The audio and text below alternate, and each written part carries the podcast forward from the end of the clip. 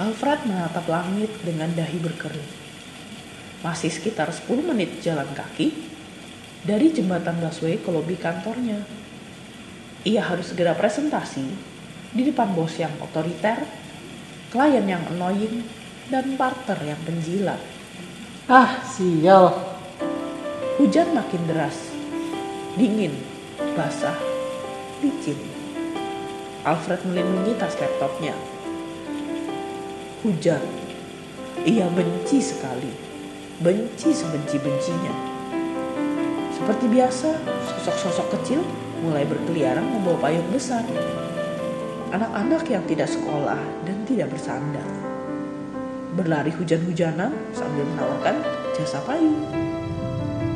Payung mas, payung. Sosok kecil itu santai dan basah kuyup. Kaosnya melekat di tubuh. Ya ya, sini sini sini. Alfred meraih payung besar itu dan bergegas melesat menembus trotoar Sudirman yang licin. Alfred benci hujan dan takut terlambat. Kenapa takut? Dia juga tidak tahu. Alfred melirik sosok kecil di sampingnya. Ternyata dia bukan anak-anak. Dia orang dewasa dengan tubuh sangat, ya sangat tidak tinggi. Alfred menggeser payungnya untuk berbagi dengan orang di sampingnya itu. Tetapi dengan senyum ia menolak. Hujan pak. Iya, saya tahu mas. Enggak apa. Ya apa pak? Sini payungan saja. Kantor saya masih di ujung sana, di ujung jalan sana loh. Ia tertawa, menampakkan geligi yang tak rapi pada pagi. Ah mas, selama hujan itu masih air, bukan batu. Saya mah santai aja. Gitu pak, nggak takut sakit? Bapak itu menatap Alfred dengan senyum aneh. Seakan Alfred baru mengatakan hal bodoh. Ia membuka tangannya yang keriput dan menatap tetesan hujan yang berkumpul di sana dengan penuh kasih, seperti orang yang menatap anaknya. Ia membiarkan pertanyaan Alfred tak terjawab. Sesaat sebelum berkata, Enggak, saya nggak takut. Bapak nggak pernah sakit karena hujan-hujanan? Tidak mas, tentu saja tidak. Mas ini takut sama hujan ya? Eh, hmm, ya enggak lah pak, cuma malas basah aja. Waktu kecil nggak pernah main air hujan. Tanyanya kembali. Ya itu dulu sekali, tapi Pikiran Alfred melayang pada kenangan puluhan tahun lalu. Hujan adalah satu hal yang dinanti-nanti oleh Alfred kecil.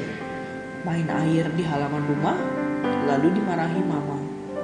Lalu seiring berjalannya waktu, hujan menjadi makin tidak menyenangkan. Hujan membuat orang tuanya marah-marah, bertengkar karena ada bocor di atap rumah. Hujan membuat keluarganya sulit karena banjir. Hujan pernah membuat rencana piknik keluarganya ke Ancol batal. Batal sampai tiga kali, selalu karena hujan. Sekarang setelah bekerja, Alfred makin benci dengan hujan. Karena jalanan jadi macet. ah apa bagusnya hujan. Mengapa Sang Maha menciptakan hal yang menyusahkan hidupku dan keluargaku di masa lalu? Kenapa Sang Maha membiarkan derita terjadi dalam hidup manusia lewat terjangan hujan? Apa Sang Maha tidak mampu merancang kehidupan? Cukup dengan sinar matahari yang menghangatkan setiap insan saja. Alfred melirik orang di sampingnya yang tampak sangat bagus moodnya di tengah hujan basah kuyup.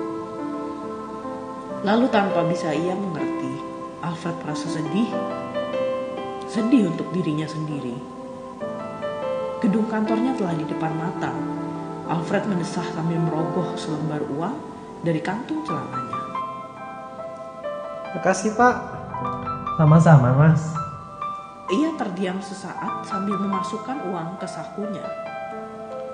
Gak usah takut sama hujan Mas. Ujarnya sebelum berlalu. Alfred melihatnya menjauh dengan langkah-langkah kecil, sekecil tubuhnya.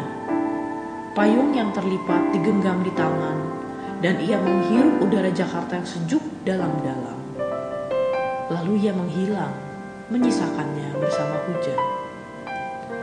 Ya, inilah hujan. Pemberian dari Sang Maha tak terpahami. Dan mungkin aku tak perlu takut.